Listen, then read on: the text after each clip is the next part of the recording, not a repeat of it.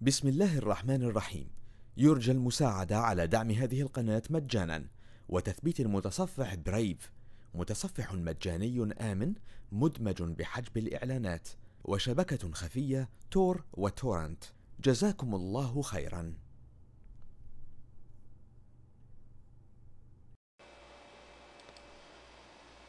بسم الله الرحمن الرحيم. والصلاة والسلام على رسوله الأمين محمد صلى الله عليه وسلم. إخواني مهندسي الشبكات في العالم العربي السلام عليكم ورحمة الله وبركاته. أرحب فيكم أنا أخوكم حسن صالح مرشد من الشبكات الرقمية في الفيديو السابع والخاص بمنهج ال Security Plus. شاهد تعلم واستمتع.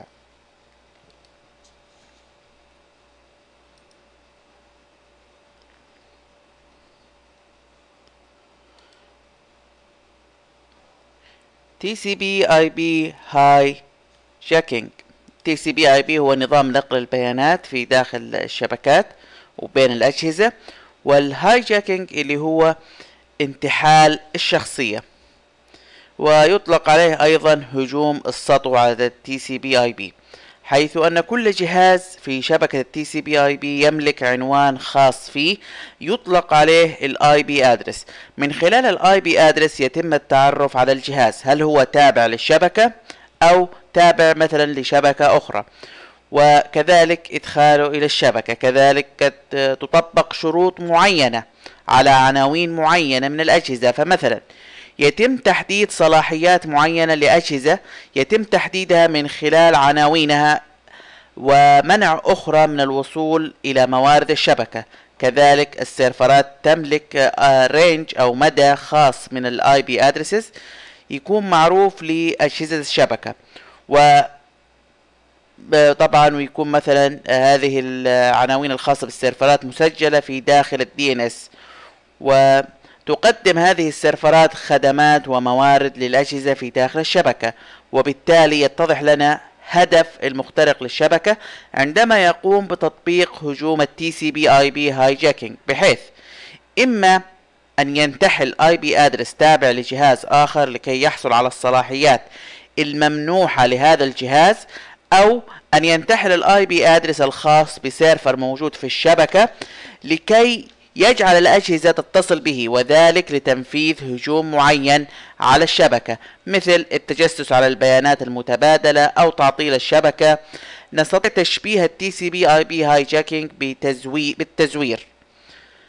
فمثلا مثل آه، في الح... لو شبهناه بمثال في الحياة الواقعية مثلا أن يقوم شخص بتزوير بطاقة معينة آه، يدعي فيها أنه شخص آخر لاستغلال منصب هذا الشخص مثلا في داخل الشركة مما يمكنه من الدخول إلى الشركة والوصول إلى مواردها وملفاتها.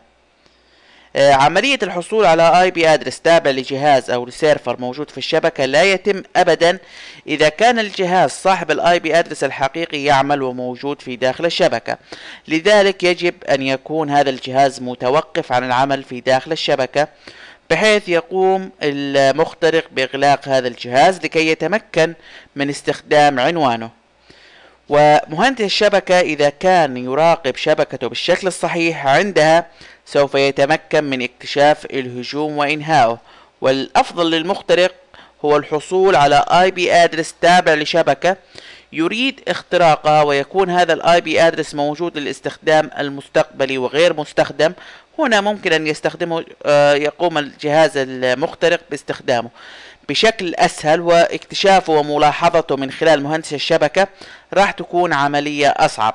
ممكن أيضا نطلق على عملية تي سي بي اي بي هاي جاكينج أيضا مصطلح ال IP spoofing ال IP كلمة ال spoofing يعني تزوير آه وكلمة تزوير هي مصطلح لكل ما يتم تزويره في داخل الشبكة.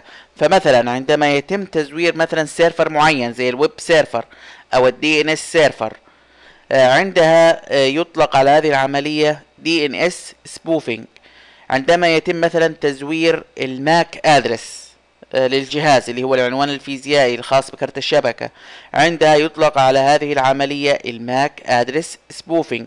عندما يتم تزوير ال IP address الخاص بالجهاز عندها يطلق على هذه العملية IP spoofing هنا زي ما إحنا شايفين مثلا في المثال آه، المفروض يحصل اتصال مباشر فيما بين المستخدم وال web server. هذا ال web server مثلا يحتوي على صفحة آه، في شبكة الإنترنت مثلا آه، مستضيف لموقع معين. المفروض أن الاتصال السليم أنه يحصل ما بين الجهاز المستخدم وجهاز ال web server. اللي بيحصل من خلال ال IP spoofing أو التي سي بي اي بي هاي جاكينج إن جهاز المخترق يدعي إنه هو هذا هو الجهاز ال attacker أو المهاجم أو المخترق بيدعي انه هو ال web server بحيث يجعل جهاز المستخدم يتصل اليه. وجهاز المستخدم وجهاز ال hacking أو المخترق راح يمرر الاتصال مثلا إلى ال web server. ليش؟ عشان إيش؟ آه يكون هناك اتصال آه يعني بحيث إن المستخدم ما يحس إنه مثلا في رفض لطلب الاتصال وخلافه. طيب إيش الفائده هنا؟ الفائده هنا إن عملية تبادل البيانات فيما بين ال server والمستخدم والعكس بتتم من خلال مين؟ من خلال ال attacker. وطبعا عنده برامج من خلالها بتسجل كل العمليات اللي قاعدة تحصل فيما بين المستخدم وال web server وبالتالي راح يطلع على معلومات كثيرة. مثلا ممكن تكون معلومات متعلقة بال authentication مثلا بالحسابات المصرفية وخلافه. وبالتالي كده اخترق الاتصال اللي بيحصل فيما بين المستخدم وبين ال web server أو آه، آه، مستضيف المواقع. هجوم استغلال نقاط الضعف في البرمجيات. نقاط الضعف آه طبعا بتكون موجودة في أي برنامج بيتم آه تصميمه. و هذا آه هذه النقاط الضعف بيتم استغلالها في تنفيذ هجوم يتم على جهاز أو على شبكة من خلال استغلال نقاط الضعف الموجودة في البرمجيات. آه لو حبينا نعطي مثلا مثال عليها ممكن يكون أشهر مثال أغلبكم ممكن يكون تعامل معاه أو سمع عنه. آه أشهر مثال مثلا حساب ال admin اللي كان موجود في Windows XP آه، حيث كان يتم تنزيل ال XP على الجهاز. راح يطلب منك إنشاء account بس آه، طبعا راح تنشئ ال account بس ال administrator ما بيطلب منك أو يجبرك إنك تقوم بوضع كلمة سر له. وبالتالي يكون حساب ال admin تلقائيا موجود ومنشأ ومفعل على ال Windows XP ولكن بدون كلمة سر. وطبعا المستخدم العادي ما كان ينتبه إلى هذه النقطة. وبالتالي إحنا كمهندسي مثلا آه، في مهندسي شبكات أو من يعملون في الدعم الفني تحديدا كنا نستفيد منها في عملية ال password recovery. بحيث لو قام مثلا المستخدم معين مثلا نسى ال password الموجود على الجهاز أو شيء من هذا القبيل. إحنا كان ممكن نستخدم حساب ال admin في عملية آه، ال password recovery طبعا هذا إيش؟ الجانب الخير أو الجانب المفيد في هذه الثغرة. لكن المشكلة هنا إنه من خلال هذه الثغرة ممكن تحصل عمليات اختراق للأجهزة حيث عندما يحاول المخترق الدخول على جهاز ويجد إنه مقفل ب password بكلمة سر. عندها يقوم المخترق بتغيير اسم المستخدم إلى إيش؟ ال administrator والذي راح يحتوي والذي طبعا موجود ولكنه لا يحتوي على كلمة السر مما يمكنه من الدخول على الجهاز والتحكم فيه والاطلاع على الملفات الموجودة في الجهاز والخاصة بالمستخدم. هذا كان بس مثال بسيط على آه، نقطة من نقاط الضعف اللي ممكن آه، يستغلها من يحاول اختراق جهاز معين الأمثلة في نقاط الضعف كثيرة. وعلى فكرة ممكن آه، هنا قلنا هجوم استغلال نقاط الضعف في البرمجيات. نقاط الضعف مش شرط تكون في البرمجيات ممكن أيضا تكون في ال physical في الاشياء آه، الملموسة من حولنا. مثلا لو كان عندي مثلا آه، غرفة ال server ات مثلا اللي تحتوي على server ات وأجهزة الشبكة اللي موجود فيها الراوترات وال switch ات لو كانت مفتوحة طوال الوقت ويدخلوها الكل يدخلها الجميع بتص... آه، من معه تصريح ومن ليس له مع... آه، تصريح وغير مراقبة. طبعا هذه تعتبر نقطة ضعف ممكن يتم استغلالها. ممكن أي شخص يستغل هذه النقطة ويدخل إلى هذه الغرفة اللي من خلالها آه، يعني هي تعتبر روح الشبكة زي ما بيقول ومن خلالها ممكن آه، يدخل وينشئ مثلا back door زي ما راح نعرف ال back door اللي هي البوابة الخلفية يعني ينشئ له حساب. آه، ممكن أيضا تحصل سرقات تلفيات. فهذه تعتبر نقطة ضعف من ناحية ال security فيزيائية. فمصطلح نقاط الضعف بيكون في البرمجيات وأيضا في ال physical. طيب سؤال هنا اللي بيصمموا البرامج أو أنظمة التشغيل لماذا لا يصمموها خالية من نقاط الضعف؟ طبعا هم ما يكونوا متعمدين أنهم يصمموها بنقاط ضعف. نقاط الضعف هذه حاجة خارجة عن إرادتهم. طبعا البرمجيات وأنظمة التشغيل هم بيصمموها عن طريق الأكواد البرمجية واللغات البرمجية وبعد كذا بتمر برضو بمراحل من ناحية التصميم والواجهات وخلافه. وخلاص ويراجعوها ويشوفوا الطاقم اللي قام بتصميم البرنامج إنه شايفينه متكامل شايفين إنه ما فيه نقاط ضعف. فبيقوموا وقتها طبعا ببيعه وطبعا ينتشر ويحقق مثلا نجاح وانتشار. وهنا يبدأ المخترق بأخذ نسخة من هذا البرنامج أو من هذا النظام التشغيل. ويقعد مركز عليه ويحاول يستخدم الأدوات ويحاول إنه يبحث عن أي نقطة ضعف. وطبعا إحنا بنتكلم هنا عن آلاف ممن يحاولون إيجاد الثغرات ونقاط الضعف سواء في البرامج في المواقع في آه، آه، أنظمة التشغيل. فبالتالي يتمكن الكثير منهم من إيجاد آه، نقاط ضعف ويستغلونها. بعد كذا طبعا آه، عملية استغلال نقاط الضعف مثلا اللي اكتشفوها في برنامج معين. خلينا نفترض أو في نظام تشغيل معين. خلينا نفترض مثلا آه، نظام تشغيل مثلا Windows 7 مثلا Windows 7 اكتشفوا مجموعة من آه، نقاط الضعف. طبعا راح يستغلوها وطبعا عملية الهجمات اللي راح ينفذوها راح تنتشر وراح طبعا راح تسمع فيها شركة مايكروسوفت. وقتها المصممين راح يجتمعوا. وراح يعرفوا طبعا الهجمات كيف تمت ووين كان الخلل. فيقوموا بتطوير آه، طبعا بتطوير آه، تحديثات لنظام التشغيل. تسد هذه الثغرات. ويقوموا طبعا برفعها لل server الخاص بتحديثات Windows مثلا 7 بحيث أي شخص بيتصل بالإنترنت آه، بيجي له طبعا آه، رسالة تنبيه على إنه هناك تحديثات مهمة قم بإنزالها فيقوم بإنزالها فتسد هذه الثغرات. طبعا كذا تم سد الثغرات فيقوم عندها المهاجمين ببحث أو المخترقين بالبحث عن ثغرات أخرى. فثغرات آه، أخرى غير اللي اكتشفوها واللي تم سدها. فيكتشفوا ثغرات أخرى فيتم استغلالها فتسمع مثلا فيها شركة مصممة للنظام اللي هي هنا في المثال Windows 7 وبالتالي راح تكون شركة مايكروسوفت. فبالتالي راح تقوم بإيش؟ بعمل تحديثات تسد هذه الثغرات وهكذا. إحنا نتكلم عن حرب طويلة تكون آه ما بين المخترقين وما بين آه، مصممي آه، أو الشركات التي تصمم البرامج أو أنظمة التشغيل. فعلى المخترقين أنهم يبحثوا عن نقاط ضعف يستغلوها لتنفيذ هجماتهم وعلى الشركات المصممة للبرامج وأنظمة التشغيل أن تقوم بطبعا طبعا بعد ما تسمع بهذه الهجمات راح تكتشف وين الثغرات وتقوم بسدها. حرب ما لها نهاية. وتكون باستمرار.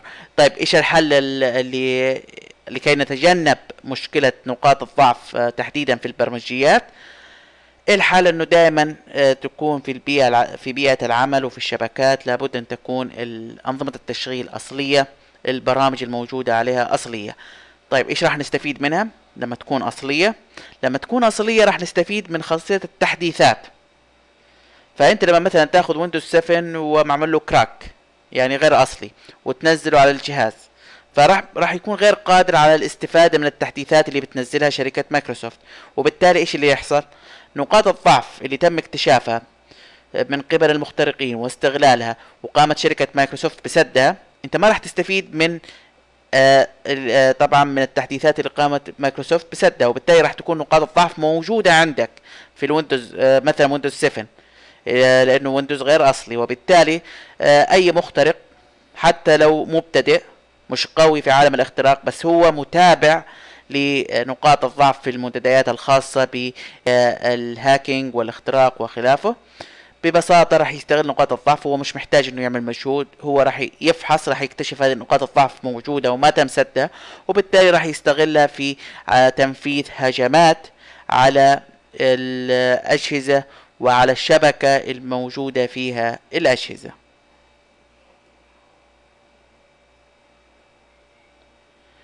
هجوم حجب الخدمة. denial of service هذا الهجوم فكرته آه، أن يقوم جهاز بالضغط على جهاز آخر أو server وذلك بأن يرسل الكثير من الطلبات إليه مما يجعله مشغول وقد يؤدي ذلك إلى إيقاف الخدمة التي يقوم الجهاز الضحية بتقديمها حيث أن هناك برامج خاصة بالمخترقين تقوم بإرسال طلبات بأحجام كبيرة وبشكل متكرر وسريع من الجهاز المهاجم إلى الجهاز الضحية مما يجعل الجهاز الضحية مشغول عن خدمة العملاء الحقيقيين وفقط قاعد يرد على طلبات وهمية هي فعليا آه، جزء من هجوم عليه. ومع ضغط البيانات المرسلة من جهاز المهاجم آه، يؤدي ذلك إلى حصول جمود الجهاز الضحية حالة التهنيج. وطبعا راح يؤدي ذلك إلى إيقافه. وبذلك تتم آه، الهدف اللي بيحاول يسعى إليه المهاجم واللي هو آه، أنه قام بحجب الخدمة. مصطلح ال DoS أو ال Denial of Service أو ال DoS attack. هذا إيش يطلق؟ يطلق لما يكون عندي جهاز لمخترق واحد بيضغط على server أو على جهاز واحد. يعني 1 1 تمام؟ جهاز المهاجم بيضغط في بإرسال مجموعة من كبيرة من الطلبات إلى الجهاز الضحية. أما عندنا هنا ال Distributed Denial of Service أو آه، يطلق عليه أيضا ال TFN ال Tribe Flood Network. هذا فكرته نفس ال Denial of Service ولكن إيش فكرته هنا؟ هنا إنه ما راح يكون جهاز لجهاز لا. راح يكون الهجوم أكثر من جهاز. يعني ممكن آه يكون عندي مثلا آه 100 جهاز يهاجم server واحد. وبالتالي طبعا إيش الهدف؟ الهدف إنه يرسلوا طلبات زي ما إحنا شايفين هنا مثلا. هنا هذه كل شخص مستخدم جهاز مثلا ممكن هنا مستخدم ال DOS ممكن يرسل ping مثلا. وبيرسلها إلى مين؟ إلى server واحد. وهذا ال server يقعد يرد على كل هذه الطلبات. إلى أن يوصل إلى حالة الانفجار ويهنج. زي ما أنتم شايفين هنا في قنبلة يعني. يعني راح يوصل لمرحلة ما راح يقدر يتحمل كمية هذه الطلبات. طبعا تعتبر هذه الأنواع من الهجمات اللي لما تكون متعددة من أكثر من طرف طبعا تعتبر أسرع وراح تؤدي الهدف بشكل أفضل. آه طبعا أفضل من إنه يكون جهاز لجهاز. يعني تخيل آه يعني أشبهها لك مثلا تخيل شخص راح يتقاتل مع شخص يعني شخص رجل مع رجل زي ما يقولوا. آه لكن شخص خطط لا إنه راح ياخذ مجموعة من الأشخاص عشر أشخاص ضد شخص واحد. أكيد طبعا راح تكون النتيجة أسرع من إنه يكون شخص لشخص. عشرة ضد واحد. هنا نفس الفكرة ممكن يكونوا مية ممكن يكونوا ألف ممكن يكونوا مليون جهاز. ويرسلوا طلبات كبيرة وبشكل متكرر وسريع على سيرفر معين أو على شبكة معينة أو على جهاز معين. طبعا هذا الشيء راح يسبب إلى تهنيك بشكل أسرع. لأنه جهاز لجهاز ممكن آه، ما يسبب التهنيك بشكل آه، سريع. طيب كيف أحيانا إحنا بتتنفذ بملايين الأجهزة كيف ملايين الأجهزة يعني تهاجم في نفس الوقت؟ هل كل هذول مخترقين؟ لا. في عن طريق التي اف ان إيش فكرة التي اف ان التي اف ان فكرته هي إنه يتم آه، تجنيد الأجهزة بدون علم أصحابها. إحنا عندنا طبعا آه، بدون مبالغة ممكن نوصل مليارات الأجهزة متصلة بشبكة الإنترنت. فبالتالي بيحاول المخترق إنه يجند ملايين الأجهزة مليون اثنين ثلاثة من المتصلة مثلا بشبكة الإنترنت. لما يجندها تصبح زومبي. كلمة زومبي هو مصطلح. يعني إنجليزي معناته آه شخص ميت وفي نفس الوقت حي. يعني لا هو عايش ولا هو ميت يعني. آه نشوفه دائما في أفلام الرعب وال آه اللي بنشوفه في التلفزيون. بس هنا مصطلح زومبي في في عالم ال security عندنا إنه هو جهاز مخترق بيتم السيطرة والتحكم فيه من خلال جهاز الماستر. الجهاز السيد أو الجهاز الرئيسي اللي هو راح يكون جهاز المخترق. طيب هو كيف سيطر عليهم؟ وطبعا هنا السيطرة على فكرة راح تكون من غير علم أصحاب هذه الأجهزة. يعني المستخدمين اللي شغالين على أجهزة الزومبي هم آه، ما عندهم أي علم. إن أجهزتهم تم السيطرة عليها من قبل المخترق وإنها بتنفذ هجمات. هم قاعدين يستخدموا ويتصلوا بالإنترنت بشكل طبيعي. وفي ال background في الخلفية في عمل شغال وفي هجمات شغالة وبيتم استغلال جهازه في تنفيذ هجمات. وهو ما عنده أي خلفية عن الموضوع. طيب هو كيف حقق هذه كيف يسيطر عليها؟ يسيطر عليها مثلا باستخدام حصان طروادة ال Trojan. اللي تكلمنا عنه. فكرته إنه مثلا آه يجيب لك برنامج مفيد آه زي مثلا Photoshop ويعمل له crack وينزله على الإنترنت ويعلن عنه إنه هذا آه، برنامج إيش؟ آه مفتوح مجانا مش محتاج منك إنك تفعله. في ملايين الأشخاص ممكن ممكن يكون عشرات الآلاف مثلا آه ينزلوا هذا البرنامج. فاللي بيحصل إن هذا البرنامج بيكون داخله تروجن برنامج تجسس. بمجرد تنزيله على الجهاز يعمل ويتحكم في الجهاز ويعطي جهاز المخترق حق السيطرة بهذا الجهاز. تمام؟ وبدون أن يشعر المستخدم بذلك. عندها لما يجي المهاجم طبعا راح يكون عنده برامج وراح يبان عدد الأجهزة اللي سيطر عليها. مثلا مليون جهاز عشر آلاف ثلاثين ألف مئة ألف ممكن حتى توصل اثنين ثلاثة ملايين جهاز لمهاجم واحد فقط. تمام؟ وقتها راح يصدر لها أمر إنها مثلا تقوم بعمل ping مثلا يعني أبسط حاجة إنها تعمل ping وطبعا تخلي ويخلي حجم ال ping بأحجام كبيرة. وبشكل متواصل. فتخيل انت مليون جهاز مثلا بيعمل ping بشكل متواصل وسريع وبأحجام كبيرة على ال server معين. خلينا نفترض إن هذا ال server مثلا خاص بموقع معين. آه، موقع الشبكات الرقمية مثلا. فيرسل لي مليون بينج آه، مليون طلب ping. آه، فبالتالي طبعا ال server حيرد على هذه الطلبات. فراح يوصل لمرحلة إنه خلاص يصبح مشغول الحقيقيين بحيث حتى العملاء الحقيقيين لو حاولوا يدخلوا مثلا على آه، موقع الشبكات الرقمية راح يلاقوه مشغول وما راح يفتح معاهم. وطبعا ال server مع الضغط الشديد راح يوصل لمرحلة إنه خلاص يهنج يتوقف عن العمل. فعندها راح يسقط وخلاص يمكن يعمل ريستارت أو يتوقف عن العمل. وبكذا يكون المهاجم حقق الغرض الرئيسي من هجومه واللي هو إن الخدمة اللي كان يقدمها الجهاز الضحية توقفت عن العمل. اذا نراجع بس آه، هجوم حجب الخدمة لما يكون جهاز لجهاز. لما يكون مجموعة من الأجهزة آه، طبعا بيسيطر عليها جهاز ماستر واحد أو ممكن حتى مجموعة بيسيطروا عليها بتنفذ عمليات طبعا عمليات يستغلوها في هجوم حجب الخدمة. والمستخدمين لهذه الأجهزة لا يشعرون بأن أجهزتهم تم السيطرة عليها وأنها تعمل في ال back في ال background في الخلفية دون أن يشعرون بذلك. وتنفذ هجمات عند يطلق عليها مصطلح زومبي الجهاز العايش الميت.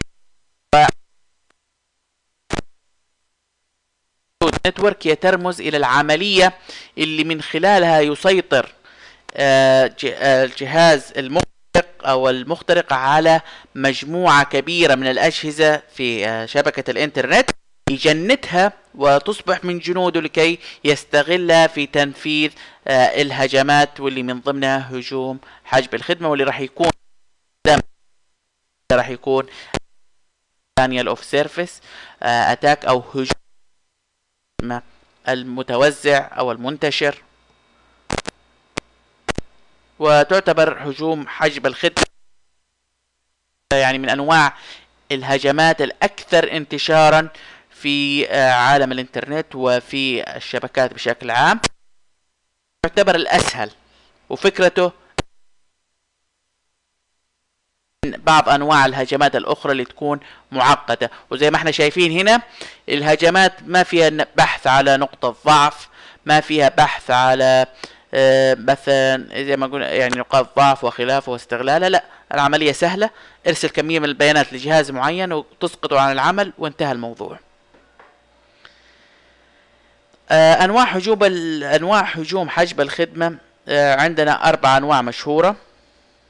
طبعا هنا الأنواع تكون بناء على إيش؟ على ال- الطريقة اللي حيتم استغلالها في تنفيذ آه، هجوم. آه، هنا البينج أوف ديث أو ping الموت. أداة ال ping إحنا بنستخدمها لكي نتأكد من أن الجهاز الآخر أو معين أو شبكة معينة تعمل. تعتبر من الأدوات المهمة في عملية ال troubleshooting اللي هي عملية إيجاد المشكلة ومن ثم حلها.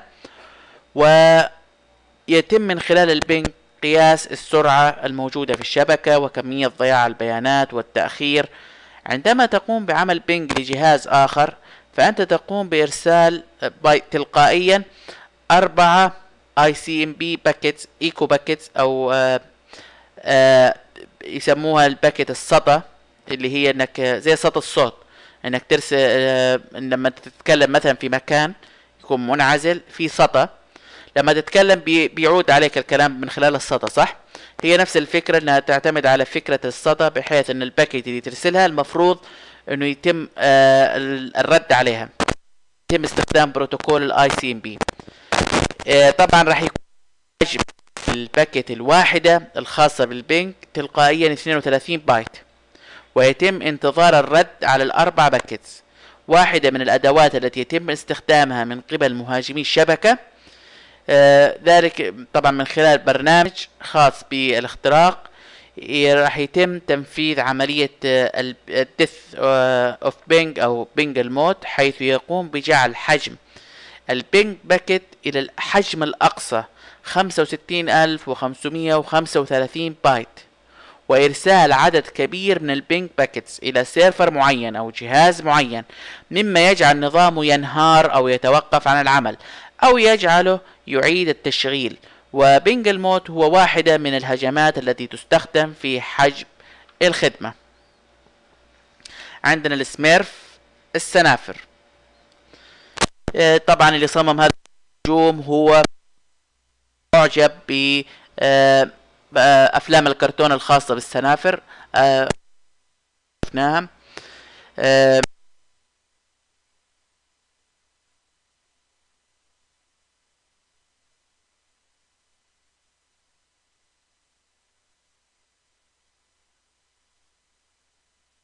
لينك شبكة معينة ولكن لعنوان منطقي تابع للشبكة ولكنه فعليا غير موجود في الشبكة غير مستخدم. هذا ال ping فإنه يقوم بإرسالها إلى جميع مستمر وبكذا ضرب جميع داخل الشبكة وليس فقط ركز على جهاز معين. عندنا هنا النوع الثالث اللي هو ال SYN attack أو يطلق عليها ال TCP half session نصف جلسة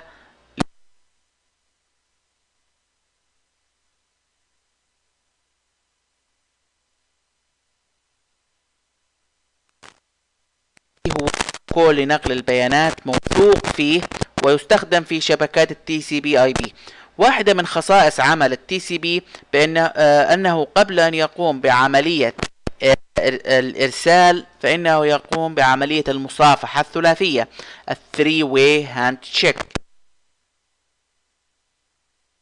مستقبل. يقوم الجهاز المرسل بإرسال إشارة ال SYN وهي تعني أن يخبر ال source أو الجهاز المرسل ال destination آه، الجهاز المرسل إليه بأنه يريد إرسال بيانات. الخطوة الثانية أن الجهاز المستقبل ال destination يرد عليه بالموافقة على استلام البيانات. الخطوة الثالثة أن يقوم ال source بإرسال تأكيد على استلام موافقة الطلب والبدء بعملية إرسال البيانات. مهاجمي الشبكة يستغلون هذه الخاصية الموجودة في ال TCP وذلك من ناحية برنامج يقوم بتنفيذ هجوم ال TCP SYN أو ال TCP half session حيث يقوم بجعل ال server أو الجهاز الضحية يقوم بفتح جلسات المصافحة وجعلها معلقة دون إغلاقها بحيث يقوم الجهاز المهاجم بإرسال إرسالة ال SYN فيقوم الجهاز الضحية بإرسال إشارة التأكيد الخاصة بال SYN كذا مرت المصافحة بكم؟ بخطوتين. الجهاز المهاجم ما راح يقوم بإكمال المصافحة وما راح يرسل التأكيد اللي هي الخطوة الثالثة. وإنما يجعل الجهاز الضحية معلق على آه طبعا راح يخليه معلق على آه إرسال التأكيد على استقبال ال SYN. وطبعا الجهاز المهاجم راح يقوم بفتح عدد كبير ومتواصل من المصافحات المعلقة الغير منتهية مما يجعله آه، في النهاية مما يجعل جهاز الضحية قادر على أي طلبات أخرى. ليش؟ لأنه عنده مجموعة كبيرة من جلسات ال TCP مفتوحة ومعلقة ولم يتم إغلاقها. وطبعا قد يؤدي ذلك إلى توقفه عن العمل. عندنا جم... آه هجمة الجمعة وهي الخدمة وهي تستغل عملية تجزئة الباكت طبعا عندنا عملية واللي تتم عندما يرسل مثلا المرسل باكيتس بأحجام تكون أكبر من المسار الذي يربط فيما بين المرسل و أو الذي يؤدي إلى ال destination. عندها تحصل عملية fragmentation تجزئة. هنا ال hacking أو المخترق يستغل عملية التجزئة بحيث يضيف بيانات أو أجزاء غير تابعة لهذه ال packets. يضيف أجزاء من ال packets لل packets اللي تم تجزئتها وهي غير يعني تابعة لل packet الأصلية اللي تم تقسيمها. وطبعا الجهاز المستقبل لما يجي يستلم هذه ال packets المقسمة ويقوم بتجميعها راح يشوف إنه لا حصل في packets مش عارف تابعة لأي فهنا راح. راح يتوقف عن العمل. ويحصل له حالة تهنيج. يقوم بعمل restart وبالتالي بكذا بتنحجب الخدمة. هذا هو الهدف من هجوم الدمعة إلى هنا نكون وصلنا إلى ختام هذا الفيديو واللي أتمنى من الله سبحانه وتعالى أن يكون قد نال على إعجابكم واستحسانكم وحتى ألقاكم بإذن الله. في الفيديو القادم أستودعكم الله الذي لا تضيع ودائعه. كان معكم حسن صالح مرشد من الشبكات الرقمية. والسلام عليكم ورحمة الله وبركاته. بسم الله الرحمن الرحيم. يرجى المساعدة على دعم هذه القناة مجانا. وتثبيت المتصفح برايف. متصفح مجاني آمن مدمج بحجب الإعلانات وشبكة خفية تور وتورنت جزاكم الله خيرا.